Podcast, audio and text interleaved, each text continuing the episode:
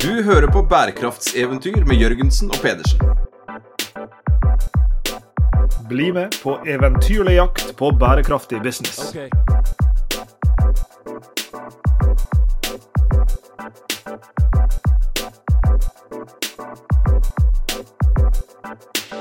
I denne episoden av Bærekraftseventyr Sveinung, så skal vi eh, inn i eh, idrettens verden. Og vi skal snakke om eh, idrett og bærekraft. Det er jo et tema som opptar oss mye om dagen, både av forskningsmessige grunner og mer generelt fordi vi er sportsidioter. og hvem kunne være en bedre gjest til å snakke med oss om dette temaet enn Steinar Hoen, som har gjort så mye viktig og spennende arbeid på dette området allerede. Eh, Steinar er det nok mange som husker som både norgesmester og europamester i, i høydehopp. I, I, nyere tid eh, også som eh, daglig leder på Bislett stadion og stevnedirektør for Bislett Games. Velkommen til bærekraftseventyr, Steinar. Tusen takk. Det er jo ikke gitt at uh, du skulle bli en sånn bærekraftsentusiast, er det det? Nei, det er nok ikke det. Men uh, jeg er jo veldig sånn interessert i historie og veldig interessert i uh, politikk. Og veldig sånn generelt eh, ja, så det, det, liksom, Hva ser man på TV? ikke sant? Jeg ser veldig mye på dokumentarer, jeg leser veldig mye biografier. så at um, Det ligger nok litt der. Ja, nysgjerrighet og veldig sånn ja, jeg aner ikke hvorfor jeg sa det jeg sa der. Det var ikke gitt at du skulle bli Akkurat som jeg hadde noen forutsetninger for å si noe annet. Men, men du blei jo nå en gang en, en, en bærekraftsentusiast, og, og du, du, har jo vært med på en sånn snuoperasjon, eller en, en, i hvert fall en, retningsendring rundt uh, Bislett Games, som vi kanskje kjenner, kjenner, mest, de fleste av oss, da, vi, mer enn kanskje driften av, av, av Bislett stadion og sånne ting. Så er det liksom akkurat rundt uh, Bislett Games og Bislett Alliansen du har kanskje stått liksom mest på barrikadene og vist veldig tydelig utad at dere har gjort eh, mange fundamentale grep da, i måten dere driver på. Det hadde vært veldig spennende om du hadde satt litt ord på det. Ja, Jeg kan jo først svare litt på det du nevnte, bærekraftsentusiast. Jeg vet ikke om jeg kjenner meg så godt igjen i det ordet. Det jeg derimot kjenner meg igjen i, det er at uh, det som nå skjer, da, det er jo det man kaller det grønne skiftet, det er for meg også den fjerde industrielle revolusjonen. og Jeg passer mye bedre inn i, i huka akkurat den delen. For uh, jeg tror de som kjenner meg, uh, ikke ser, ser, den personen som, som uh, tidligere satt i sånne lenker utenfor et atomkraftverk og sa nei til atomvåpen, eller skulle liksom stenge Eller var ute på sjøen sammen med Bellona og, og skulle stenge um, altså leting i, i Barentshavet eller, eller, eller, i Nordsjøen. da. Altså, så Jeg er ikke på en måte på den siden, men jeg er på den andre siden, hvor jeg ser denne enorme eh, endringen vi skal inn i fram til vi skal nå null i 2050. Jeg har bl.a. Eh, akkurat lest den boken til Bill Gates nå, eh, som jeg fikk til julegave. Eh, hvor han faktisk er positiv, at vi, at vi kan klare det. liksom, At vi kan stoppe oppvarmingen på rundt eh, han tipper sånn rundt to grader. da, en eh, halv grad mer enn en det Parisavtalen satt, satt seg som ambisjon. Og, og, hvorfor? Det er litt sånn interessant. Det er at det som skjer da i den fjerde industrielle revolusjonen, det er jo at dette som, som, nå er en elektrifisering med elektriske biler, vindmøller, solceller, det er teknologi. Og, og, det er sånn at når du produserer teknologi eh, i mengder, så får du en eksponentiell kraft i det. ikke sant? Den første bilen er dyr å lage, men bil nummer én million er billig. Den første solcellen var dyr å lage, men nå er jo solcelleenergi den billigste energien man kan eh, produsere, og sammen med vind på land. Og Det er sånn interessant når man ser liksom i det rødeste Texas, hvor absolutt alle som bor i byen er klimafornektere. De stemmer på Trump. Men allikevel så kommer det eh, vindparker uh, opp istedenfor det man skulle tro. Uh, ny oljeleting eller oljeboring. Så spør man liksom de der, der nede hvorfor. Jo, det er jo mye billigere. Så, I USA nå så er det sånn billigere å sette opp en ny vindkraft, uh, vindkraftverk enn det er å vedlikeholde et allerede nedbetalt kullkraftverk. Ser man nå disse tingene opp mot hverandre, så, så, så, så, er det ingen tvil at selv om verden ikke hadde blitt varmere, så ville kanskje dette skjedd uansett. Sannsynligvis i et litt lavere tempo. Men det ville skjedd uansett. Jeg må skyte inn her, Steinar, en liten ting. fordi eh, En ting jeg ikke sa i, i introen min, og som folk kanskje ikke vet, eh, men, men, som en kan høre veldig mellom linjene i, i i det som du, eh, som du snakker om nå, er at i tillegg til å være eh, som vi var inne på tidligere, idrettsutøver, så er jo du også økonom eh, og, og også investor. Og, og er jo litt interessert i det her, fordi du kommer jo da med en litt unik bagasje i ryggsekken inn i den konteksten som, som, som vi snakker om her i dag, nemlig at du på den ene sida kjenner idretten veldig veldig godt. Men i tillegg så kom jo du inn i Bislett, husker jeg riktig at det var i 2007, så kommer jo du da også inn med et blikk nettopp av den typen som du, som du, sitter og snakker om nå, med et litt sånn kall det forretningsmodellblikk, eller i alle fall et forretningsblikk. Eh, og det var jo med, eh, med det bakteppet da du, du møtte et Bislett og, og et Bislett Games med behov for en sånn type grønn omstilling som det som du er inne på uh, her. Så kanskje du uh, ja. forteller litt om, om, det fra det blikket du hadde på vei inn, og, og, og hva du så som var nødvendig å få til, og, og hvordan du, du, gikk fram sammen med, med, med, andre folk for å få det til. Nei, Jeg, jeg var jo, som, sagt, som du nevnte, idrettsmann. Jeg var med på Bislett selv i, i ti år på 90-tallet. Og den gangen så het jo Bislett Games det het Exxon Mobil Bislett Games. ikke sant? Så det var verdens største oljeselskap som, som eh, kan du si, betalte når jeg konkurrerte på Bislett på 90-tallet. Og De var med oss da fra midten av 80-tallet og helt fram til 2016. Altså 29 år het vi Exxon Mobil Bislett Games. Vi var det største fossile uh, friidrettsstevnet i Europa. Uh, Bislett Games det var på en måte et sånn oljeseminar. Det var store middager i forkant med oljeindustrien nede på Sonja Hennie-salen på Plaza. Exxon Mobil hadde kunder fra hele Europa, og også mye av toppsjefene fra Houston var innom her. Eh, så det var liksom veldig mye av de dyre billettene, veldig mye av pengene vi fikk inn, eh, kom fra, fra, fra Exxon og, og, alt rundt. da. Eh, dette var jo en periode hvor jeg liksom gikk fra å jobbe i, i en investeringsbank som het First Securities bak Brygge, på, på aksjesiden. Og jeg begynte da så vidt på Bislett i, i 2006 som, som assistent og tok da over ansvaret i 2010. Så jeg fikk på en måte med meg eh, de siste årene av eh, Mobil. Og det var jo sånn derre eh, Bislett Games er jo et veldig sånn stort, kjent arrangement, som også var veldig sånn solid økonomisk, med den der tunge tittelsponsoren i ryggen. da.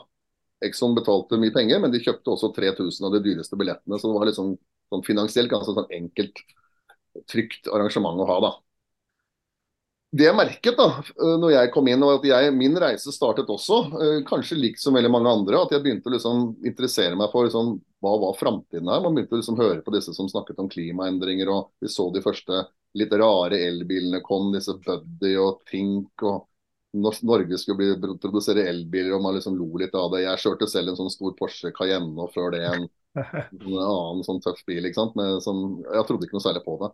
Men så så jeg den filmen til Al Gore, den aller første filmen, 'An Inconvenient Truth', og begynte å liksom Shit, hva er dette? Og begynte å bli sånn, litt sånn åpen for uh, Kan det være noe i dette her? Og sakte, men sikkert så gikk den prosessen min um, litt sånn ved siden av. Og jeg merket også, jeg fulgte også med på Exxon Mobil, både fra de kontaktene vi hadde her, men også sånn internasjonalt, hvor det var jo kanskje det selskapet som lobbet mest mulig mot. da, ikke sant? De så, så det tvil ved ved det 97% av alle forskere i verden var enige om, nemlig at uh, menneskeskapt uh, utslipp av CO2 det, det, det, var grunnen til uh, at vi fikk en oppvarming på jorda. Det var liksom 97% av alle forskerne i verden var enige om det.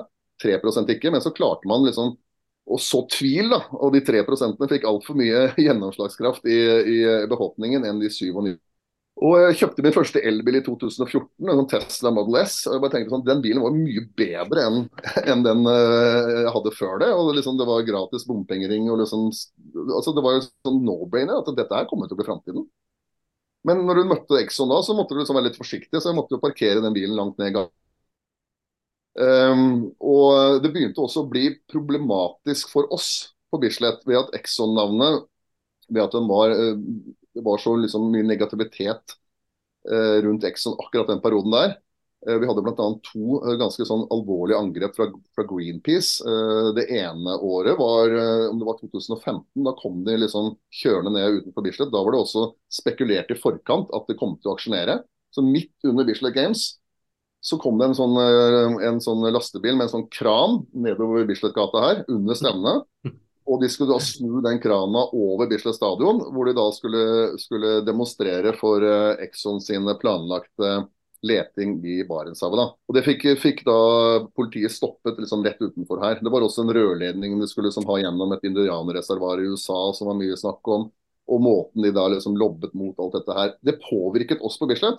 Og, og hvorfor? Jo, de hadde jo veldig mange andre samarbeidspartnere også enn Exxon Mobil. Men de sluttet helt å bruke oss. Altså, de kom på stevne med noen gjester, men de, de, skrev ikke lenger eller annonserte at liksom, vi er stolt sponsor av ExoMobil Bislett Games. Eller, eller, de gjorde ingenting. da. Det er nesten sånn at de gjemte seg litt. Og, og, og, så kom de med noen gjester så stevne, og så skjedde det ikke noe mer. Så, så det begynte å bli en liksom belastning for oss også. Og jeg tror også Exxon, Grunnen til at de eh, trakk seg ut av Norge, var at de så ikke dette som et sted å, å fortsette å investere. Og, og, og, de solgte bensinstasjonene sine i 2016, Esso-stasjonene. Og så trakk de seg helt ut av Norge da påfølgende høsten 2016 og inn i 2018. Og Det gjorde at vi mista da vår største um, partner, ikke bare finansielt, men vi um, mistet også liksom 3000 av de dyreste billettene og alt det Exxon gjorde rundt arrangementet. Og Da fikk vi liksom merke hvor avhengig vi hadde gjort oss da, av, en, av en, en, sånn stor partner. Og, og det, var, det, var, et hull som var umulig å tette. Det var ingen måte vi kunne liksom, få inn de kronene eller erstatte de 3000 eh, som hadde kommet her, ved å, å, finne en ny aktør. For det var ikke noen så store aktører i Norge som, som Exxon. Da. Og da følte jeg liksom, da måtte vi tenke helt annerledes. Eh, og da så jeg muligheten til, liksom, til liksom være kanskje den første å bare bruke all denne her til å liksom snu 180 grader å gå fra å være liksom det arrangementet som var assosiert som, som, det fossile arrangementet i Europa, til å bli det mest bærekraftige friidrettsarrangementet i Europa. Uh, og Det sammenfalt veldig med, veldig med, min egen reise også. Uh, og Jeg hadde jobbet en del med miljøorganisasjonen Zero, som, som jeg følte liksom var den miljøorganisasjonen jeg likte uh, og, og, kunne liksom føle meg hjemme i. da. For, for, Zero de sa ikke det som veldig mange miljøorganisasjoner sier, nemlig at det er din skyld, du må slutte å reise så mye, du må slutte å forbruke så mye, slutte å kjøre bil, slutt med ditt, slutt med datt. Jeg har ingen tro på at den type retorikk endrer atferd. Altså, jeg er helt imot det. Hvis du går tilbake i historien, så er eneste måten å endre atferd på, på, på, mennesker, og da snakker vi massene, det er at det må være billigere og bedre. Folk kan si i en spørreundersøkelse at at de, eh, for å hjelpe verden vil de kutte ned forbruk. Så sier de ja, men når du ser hva de gjør, så gjør de det motsatte. Sånn? Når de går i butikken, så kjøper de det som er billigst. Uansett hva de svarer på, eh, på spørreundersøkelsen. Det samme gjør de med biler, det samme kommer de til å gjøre med strøm osv. Og, og det Zero proklamerte, var at her er det teknologier og muligheter hvor vi kan få en omstilling som gjør at det blir bedre. Og så begynte jeg å tenke på det, ok, hva med, hva med Bislett Games, hvordan kan vi løse dette? Jo, nå var elbiler kommet. Hvordan kan vi liksom bidra her? Jo, vi må starte med oss selv. Hvordan kan vi kutte våre egne utslipp? Greit, vi, vi, vi, vi transporterer rundt 250 mennesker gjennom dette Diamond League-sirkuset inn til Norge. Vi, kjører dem fram og tilbake til treninger, pressekonferanser underveis. Og så skal de videre til neste stevne. Hvordan kunne vi liksom fortest mulig kutte våre egne utslipp? Ja, Det var jo å se på liksom OK, Oslo sitt stevne lå i juni, Stockholm sitt lå i august. Hva med liksom kontakte Stockholm og kanskje prøver å, å, å flytte til samme langhelg? Ja, da ville vi jo komme unna liksom 250 enveisbilletter eh, til, til Skandinavia. ville jo blitt halvert, da. Så liksom jeg foreslo å flytte vårt arrangement til august, men så endte det med at Stockholm flytta til juni. Så, så, da hadde vi plutselig liksom løst mye av det. At vi lå på torsdag og Stockholm lå på søndag. Og Så prøvde jeg å lage en logistikk som vi gjorde sammen med Zero, som skulle ta utgangspunkt i at dette måtte være bedre for utøverne. Det måtte være bedre for klimaet, og vi måtte spare penger på det.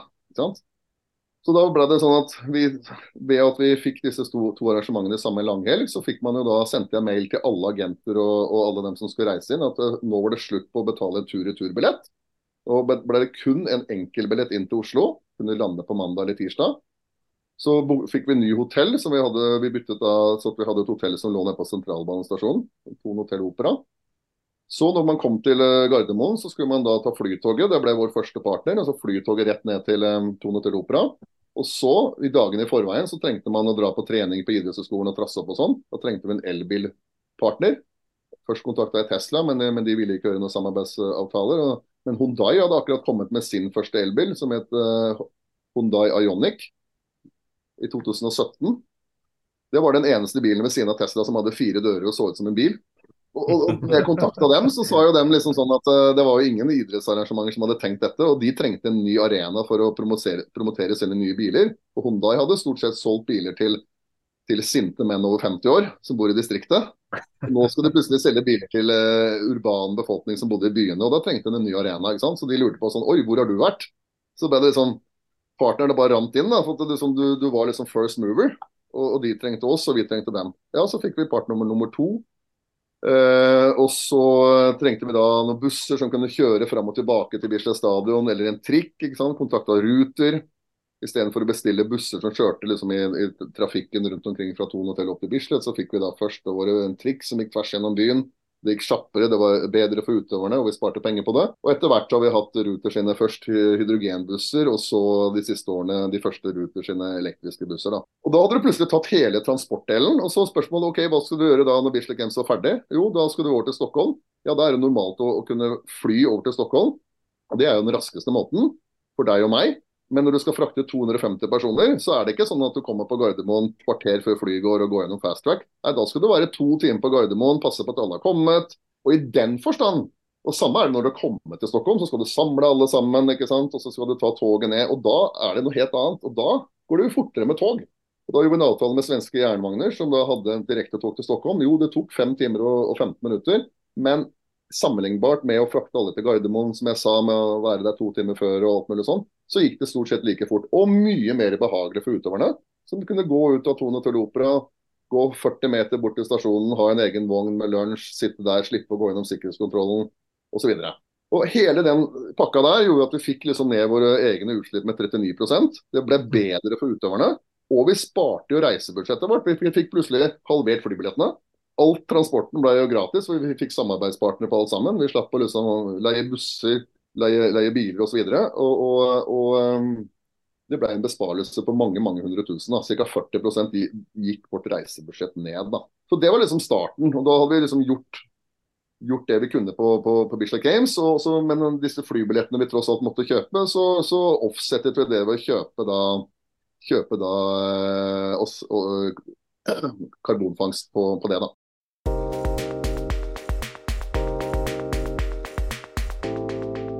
Hvordan opplevde uh, utøverne dette her? Én ting er liksom det med, med tid og, og, og, sånne ting, men dere lagde jo noen filmer, og en, film husker jeg, uh, hvor disse idrettsfolka var helter som skulle komme og redde Bislett fra miljømonstre, var det ikke noe sånt? Og vi gjorde veldig mye rundt på det. For det blir jo todelt. Først må det være Når du går ut og selger et sånn, sånn uh, konsept, da, uh, sånn som vi gjorde sammen med Zero, vi var liksom i Dagens Næringsliv fortalte at vi skulle gjøre, og så må det være det må, Noen må kunne regne på det.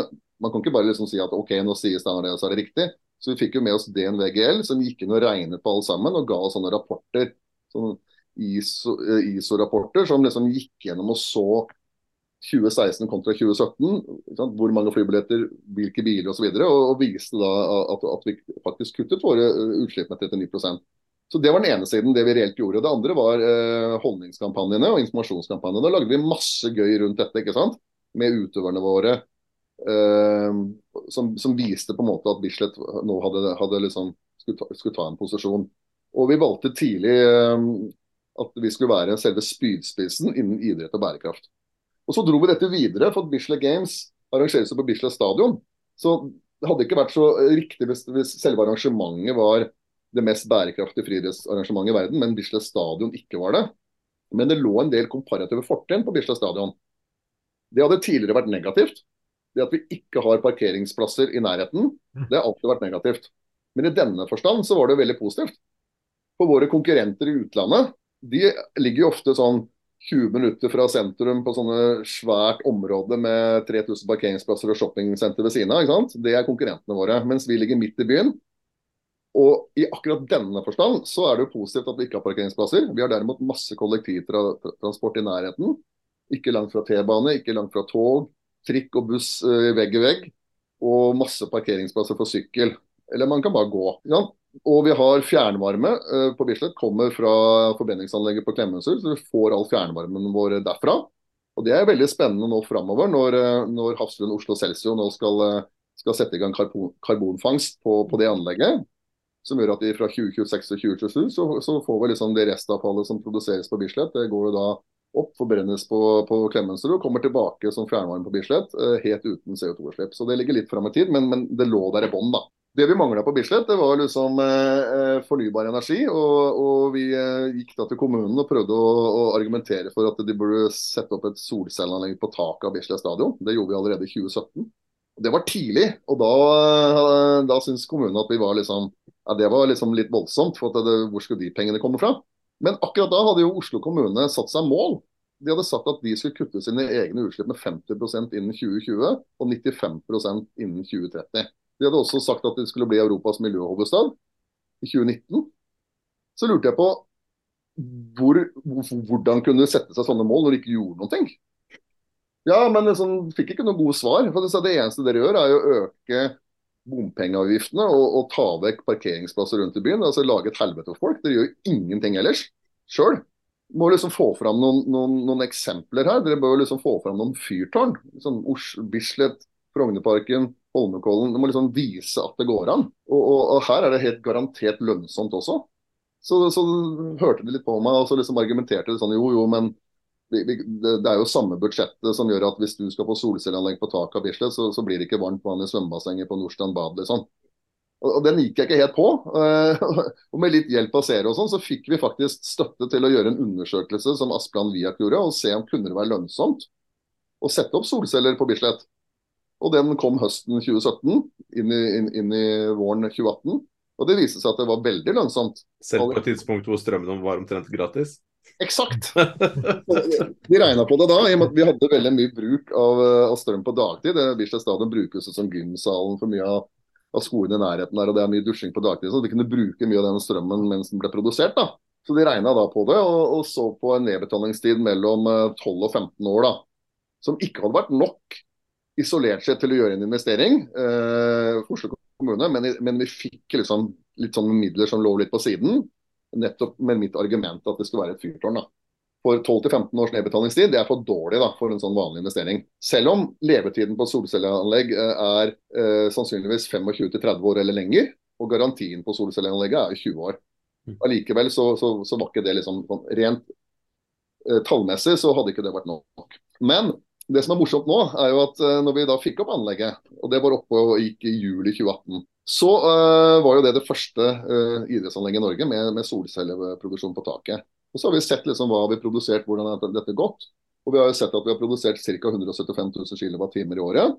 Og Det, det er ca. sånn budsjettert. Men det som skjedde i 2021 og 2022, er jo at strømprisen har gått rett gjennom taket. Og det vil si at nå i september i år så hadde vi sånn valfart av eh, lokalpolitikere opp på taket av Bislett, som skulle blitt tatt bilde av eh, for å vise fram hvor flinke de hadde vært. og Det viser seg da at det anlegget der, eh, med dagens strømpriser, får en nedbetalingstid på mellom fem og seks år. Så hvis de strømprisene som er i dag holder gjennom 2023, så, så, er, så er, anlegget nedbetalt i slutten av 2023, begynnelsen av 2024. Da. Så en nedbetalingstid som da er en tredjedel da, nesten av det som ble initiert. Og Det er litt der jeg føler at jeg har lyst til å snakke litt om i dag, det er at alt det vi har gjort, og, og alle de um, foredragene jeg har holdt gjennom, altså før pandemien, da, gjennom 2017, 2018, 2019, og forklart alt det vi har gjort om, om Bislett og hvorfor man skal gjøre det og sånn, jeg føler at det, det, er på en måte ferdig snakka. Så nå når jeg skal rundt og, og prate med folk, så, så, er jeg liksom ferdig med opplysningskampanjen. Nå er det bare ta telefonen, ring og bestill. Det er ikke vits å argumentere om dette kommer eller ikke kommer. Det er ikke vits i å argumentere om at vi kommer nå til å få et skifte. Selv Equinor er nå eh, liksom i gang og, og, og med svære kampanjer. Equinor skal da nå eh, netto null innen 2050. Hvilket er altfor seint, men, men, de har i hvert fall liksom tatt standpunktet. da. Og Hvis man tror på det, hva skal da investeres de neste årene? Det er jo helt sinnssyke investeringer som kommer. Og jeg tror det kommer til å komme fortere enn folk kan fatte. da.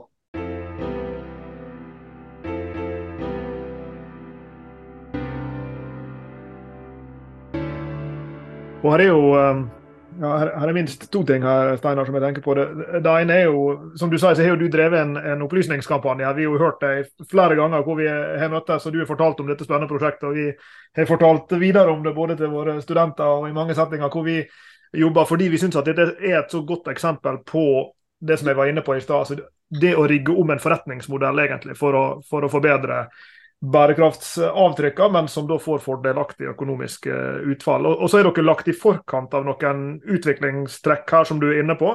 Eh, ikke minst dette med strøm har jo blitt enda mer aktualisert de siste par åra.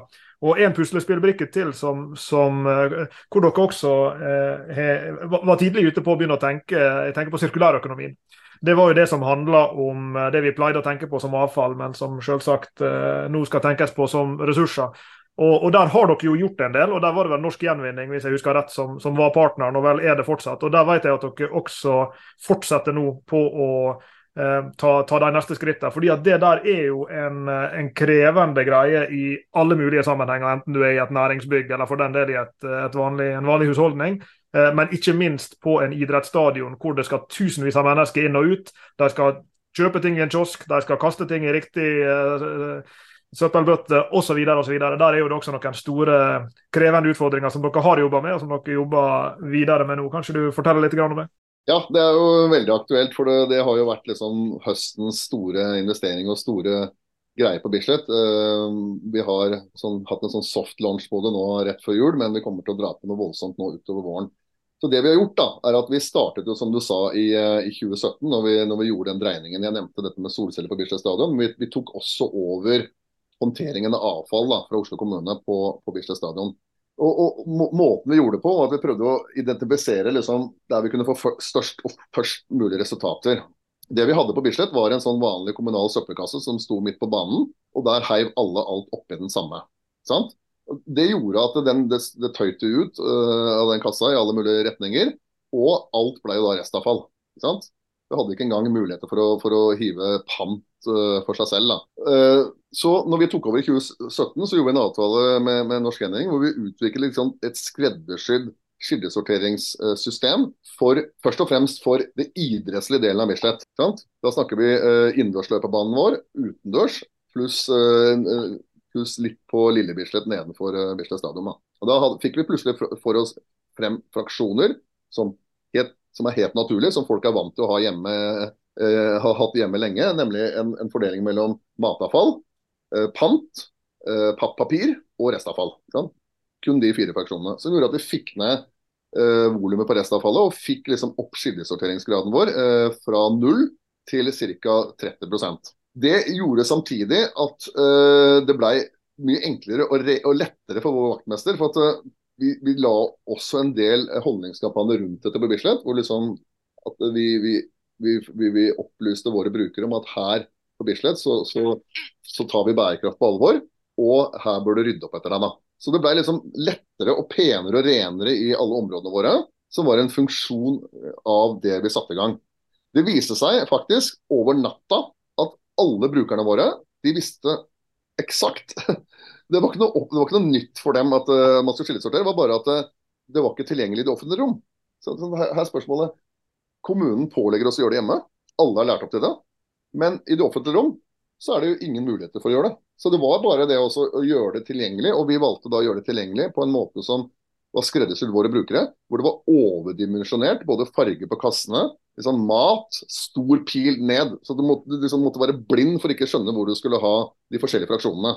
Store bokstaver, store piler, og alt skulle være overdimensjonert. Så at når du var og løp rundt Bislett, så kunne du nesten løpe forbi farta og så treffe riktig. da. Så det ga en uh, umiddelbar effekt. Eh, vi hadde litt tanke på å utvikle det videre, men så kom denne pandemien som, som, på en måte gjorde at det gikk et par år her hvor all fokus eh, lå på, eh, på smittetall og, mm -hmm. og prøve å få til et arrangement i det hele tatt. Så da ble vi forstyrra litt. Men vi klarte oss gjennom pandemien òg med, med, kreative arrangementer som Impossible Games og, andre ting. Mm.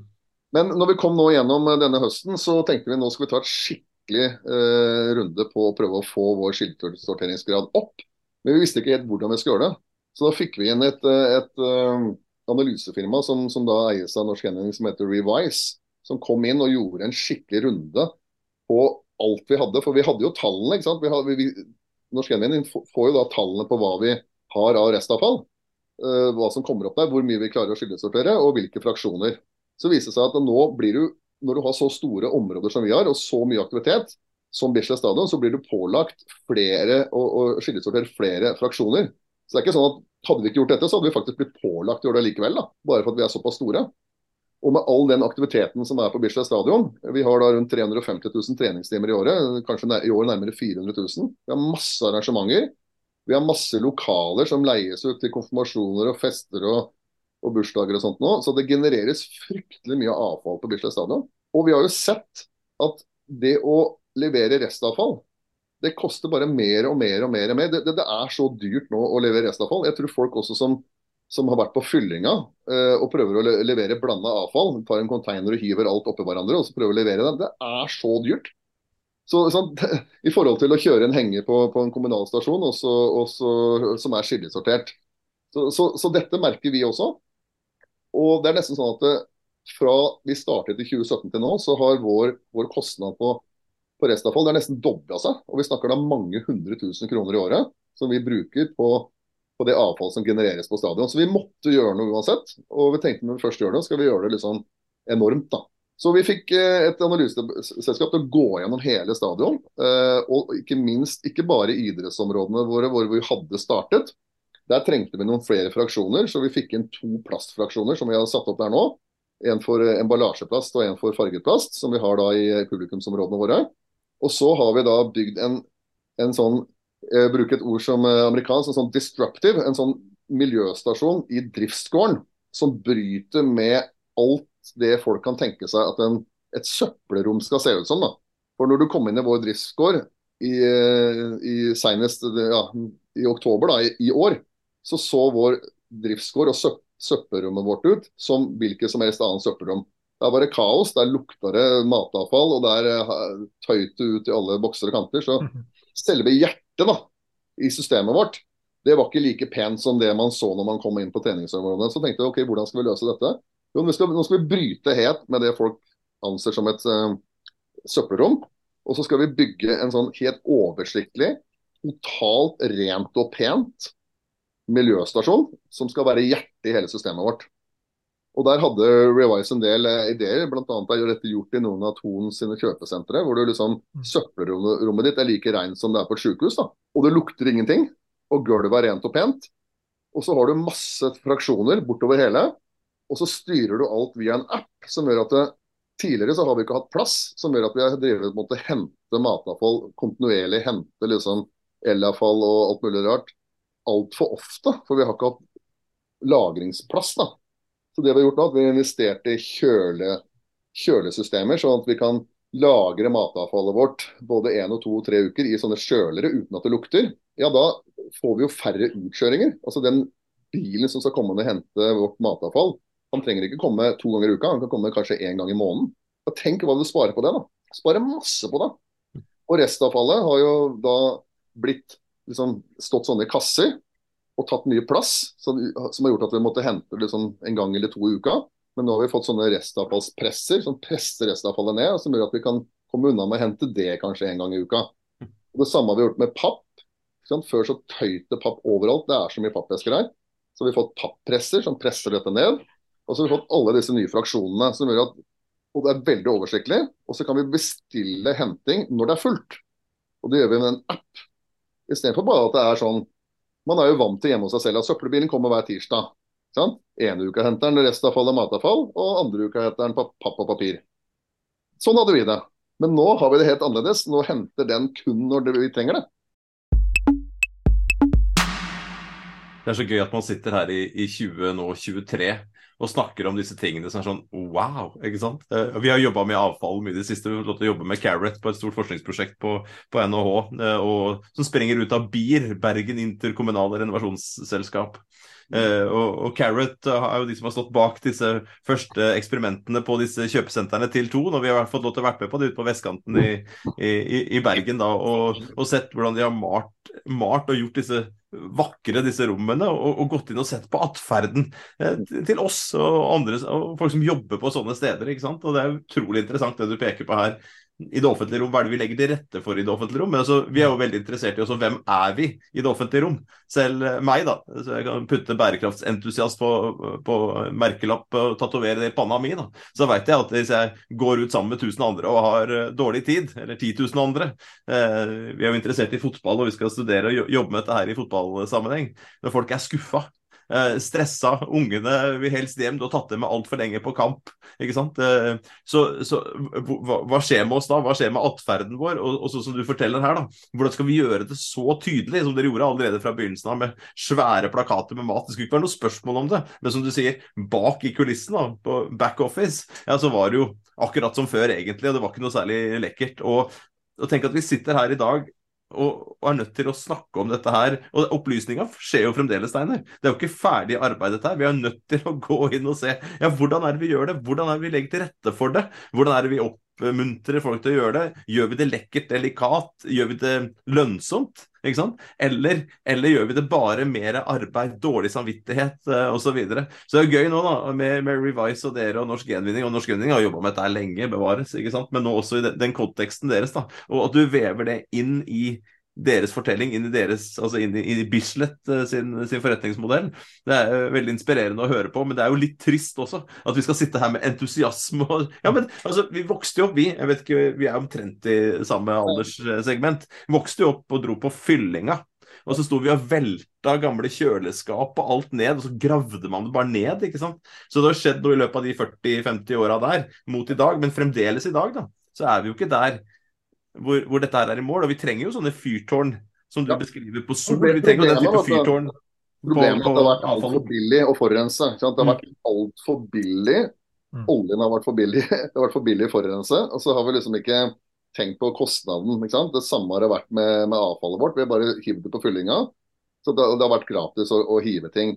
Så det må starte med at det koster penger. da. Og, og, når vi ser da på, på de tallene som, som, som, vi har fått, da, som vi nå skal jobbe etter, hvor vi skal øke vår skildesorteringsgrad fra 20% til 70 eh, vil si at vi skal få ned restavfallet fra å være 80 ned til eh, 35 da. Så, så, så, sier det seg selv at da, da, og med alt det andre vi gjør rundt, så ser dette tallene våre Vi har nå investert ca. 250 000 kroner kan du si, i denne miljøstasjonen, i disse pappressene, i disse kjøleboksen til matavfall, i disse restavfallspressene og alt det andre. 250 000. Slik tallene våre er, så har vi da, hadde i fjor ca. kostnader på rundt 190 000 kroner på avfallshåndteringen. Slik det ser ut nå, så vil vi spare ca. 90 000 i året. Altså vi vil halvert det. Ta 90 000 ganger to, da er det på 180. Så to og et halvt års nedbetalingstid på da. To og et halvt års nedbetalingstid på dette her sånn. Det må være den beste investeringen du kan gjøre.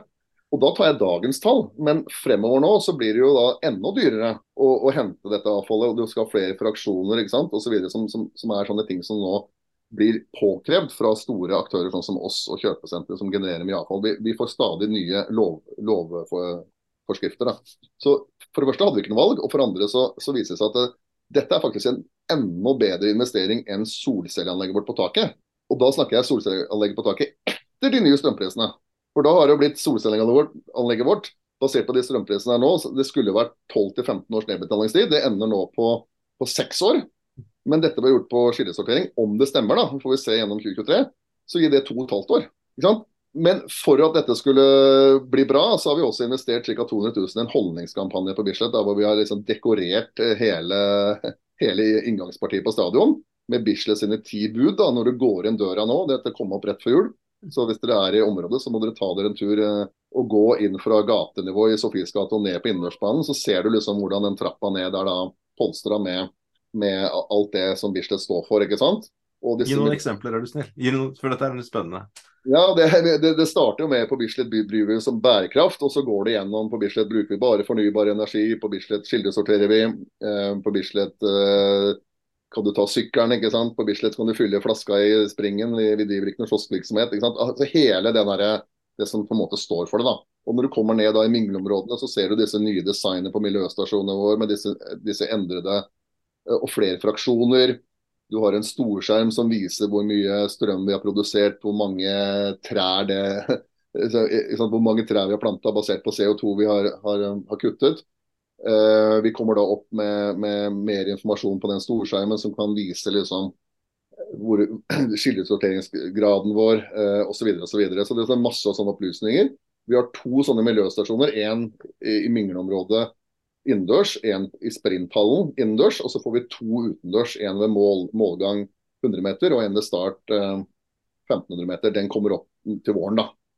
Og med helt nytt design. Skikkelig kult design. Uh, og så skal vi forsterke dette med en del uh, kampanjer i sosiale medier og sånt. Men alt er allerede nå på plass på Bislett, kan du si. På, på, på innendørs, da. Og Så skal vi se da hvordan dette fungerer, og, og, ikke minst all den opplæringen vi har gjort med vaktmesteren vår.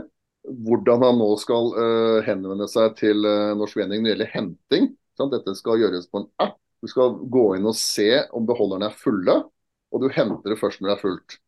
Og pengene du sparer, er, er liksom to ting. da. Det ene er vi har delt opp alle eh, fraksjonene våre i, i, tre farger. Rød, det er, det er dyrt. Sant? Det er dyrt å levere. Restavfall faller under den kategorien. Det koster penger å levere, så, så, minst mulig av det. Så har du gult, det er sånn cirka nøytralt. Det kan være keramikk, det kan være tekstiler. Og så har du grønt. Ja, der ligger, Hvis du har sortert plastet ditt, plasten din eh, riktig, så kan du liksom, det kan være gratis eller til og med få betalt for. Og Der ligger også eh, papir og papp, som du har sortert riktig, kan du få levert det gratis, til og med få betalt for. Og pant, selvfølgelig, da, som du får betalt for. Eh, og, Det gjør at jo, mer du har delt opp, så blir det jo mindre restavfall som koster. Mindre matavfall som koster å levere. Pluss at det hentes færre ganger. Og det Grunnen til at du tjener på det, det er liksom, det ene er at du leverer mindre av det som koster å levere. Og det andre er at du henter det sjeldnere. Men at det kan utgjøre så mye som halvering per år, det trodde ikke jeg før jeg så tallene. Og så gjenstår det å se om det virkelig stemmer, da. Mm. Men la oss si at vi bommer, da, at vi ikke klarer 70% men bare 50% så er det likevel en nedbetalingstid på fire år da, istedenfor to og et halvt.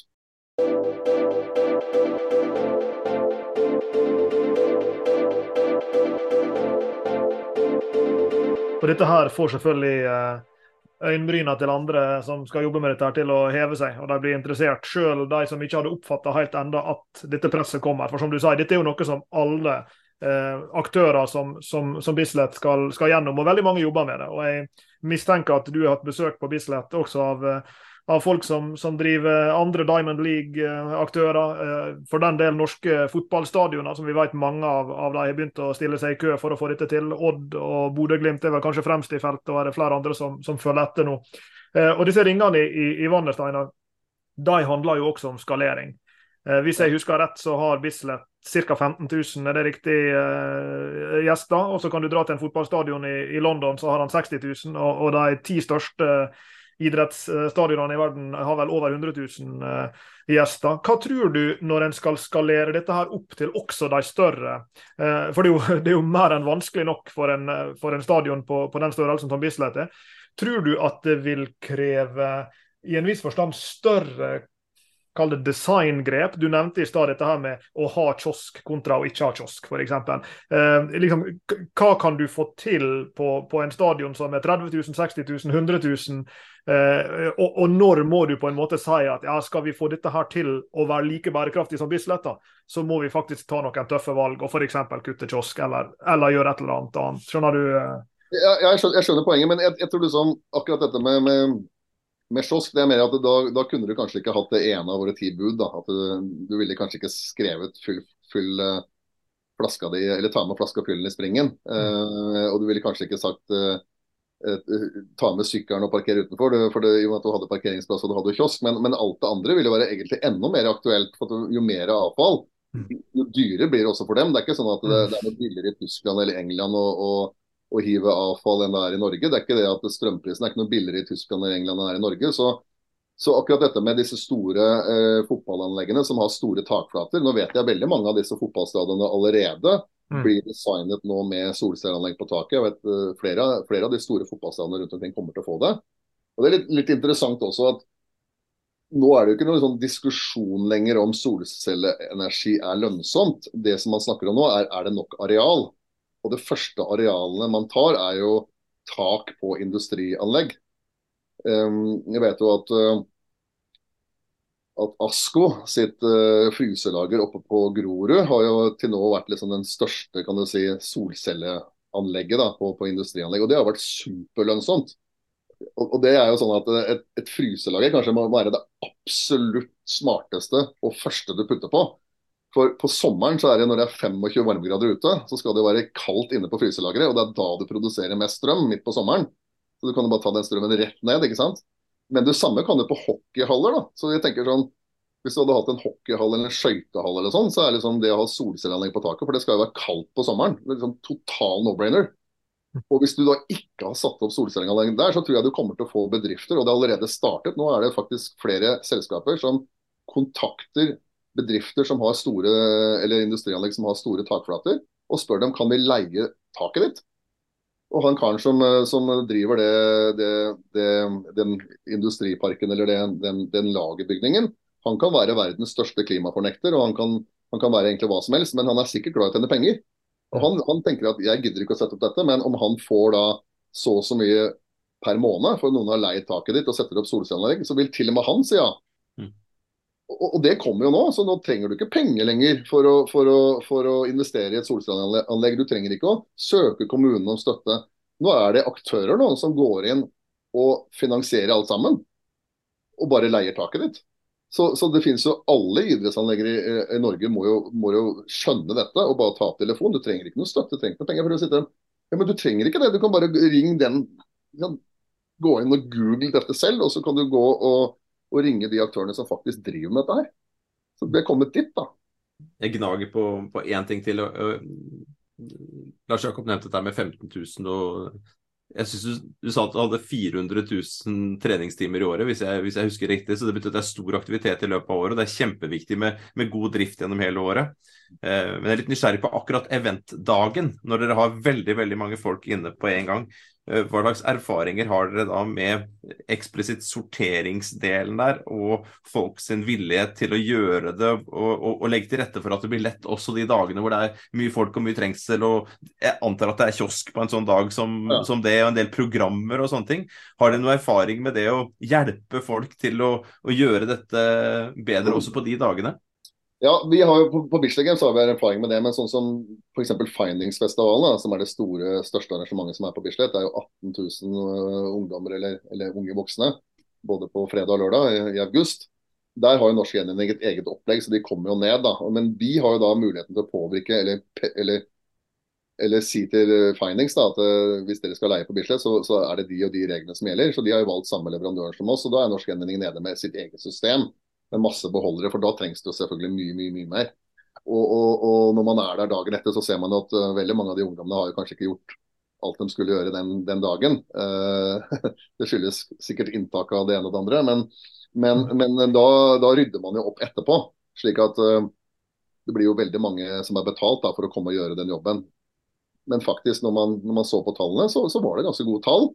Basert på, på, på, på, innkjøpene og hvordan de hadde strukturert dette. Da, på liksom alle beholderne og, og, og, plastkoppene sine var av en spesiell sort som gjorde at det, liksom, det kunne, kunne gjenvinnes osv. Uh, Bislett Games har vi litt mer kontroll på det, selv om vi også da må ha inn mer kapasitet. Uh, og når, når, når stevnet er ferdig, så, så, vi har jo tenkt det å gå vekk fra program, har vi tenkt på lenge. da, men liksom det, det er litt sånn, litt sånn, Vi må ta litt ting i, i, i, um, i uh, kan ikke gjøre alt med en gang. Vi har veldig mange litt eldre som har vært på Bislett helt siden 1966. Og mange av de har ikke smarttelefon. ikke sant?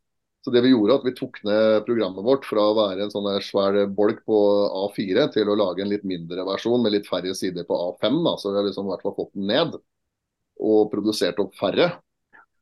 Og så har vi en app-løsning ved siden av. Så vi må la dette gå kanskje fem-ti år til før vi kan liksom kutte det helt ut. da. Eh, men, men, da vil det jo bli en del avfall. Men det håndterer vi ganske bra på, på vår egen liksom, kappe da, etter arrangementet. Og så har vi jo veldig mye kapasitet rundt kioskene. Så når folk sitter ute på tribunen når de er ferdig, så, så, tar man ofte med seg en del av, av, avfallet.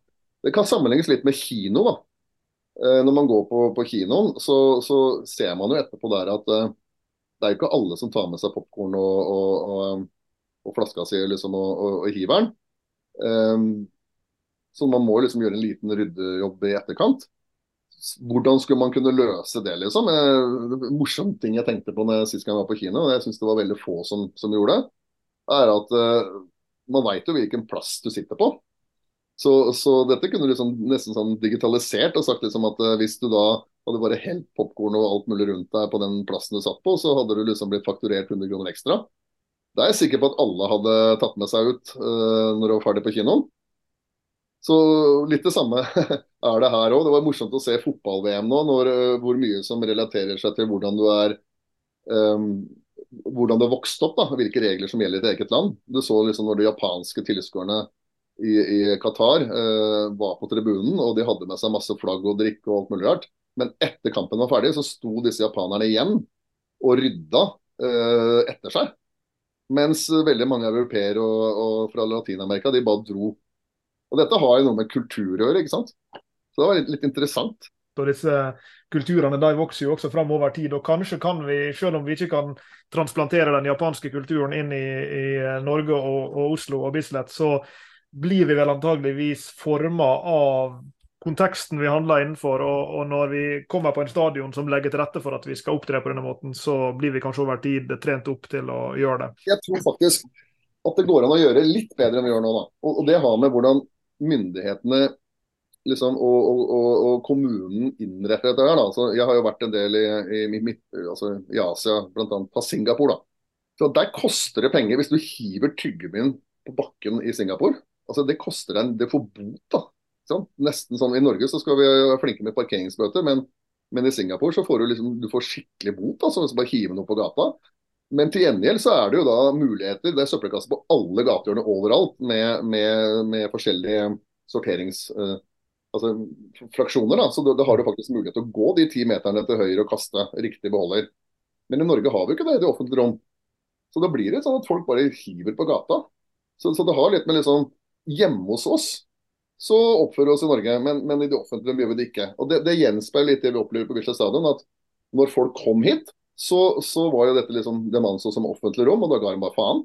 Men, men, men idet vi lagde svære holdningskampanjer og tilrettela slik det er liksom hjemme hos deg, så gjorde de det.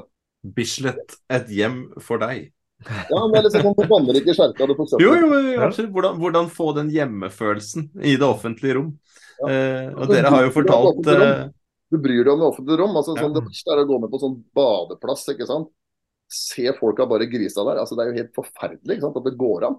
Eller, eller jeg syns litt synd på Holmenkollen. for at, uh, Der er det sånn etter femmila Holmenkollen, så ser jo det, det, liksom, det, er nesten sånn skummelt. Hvis jeg hadde vært sponsor, så hadde jeg vært litt redd for, uh, for uh, renommé. For at du har da sponsorplakater som er oppe langs skiløypa. Og rett bak der dagen etter så ser det ut som liksom det har vært eh, verdens største fest. da, liksom Det ligger bare søppel bare hiv overalt. Og så kommer noen og tar bilde av hvordan det ser ut dagen etter femmila. Og så er det da sponsorskiltet til den sponsoren er rett bak verdens største fyllefest. Det er ikke bra det, vet du.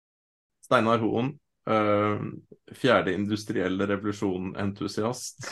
Uh, og nå får du ikke ordet etterpå, skal jeg kalle deg bærekraftspioner. Ja.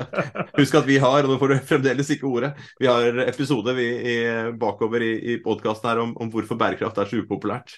Og alle de følelsene og konnotasjonene som er knytta til det. Ja, og Det er fanken meg ikke lett, altså. Vi tar på oss tittelen som bærekraftseventyrere. Og du har tatt med oss i dag på et fantastisk eh, eventyr, en reise fra Exxon-tiden, som også var god på mange vis, eh, over i dette nye. Og så pekt framover også hvordan, hvordan jobbe. Og Lars Jakob og jeg og, og vårt prosjekt, vi skal prøve å ta tak i noe av dette her i, i vår framtidige forskning. Og så er jeg helt sikker på at vi kommer til å prates igjen. Tusen takk for at du tok deg tid, og lykke til med hele 2023 på, på Bislett. Tusen takk.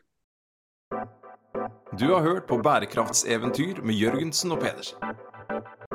Send e-post til eventyrkrøllalfa.jorgensenpedersen.no for å stille spørsmål eller komme med forslag til tema for fremtidige episoder. Og besøk jorgensenpedersen.no for mer informasjon om denne podkastserien. Okay.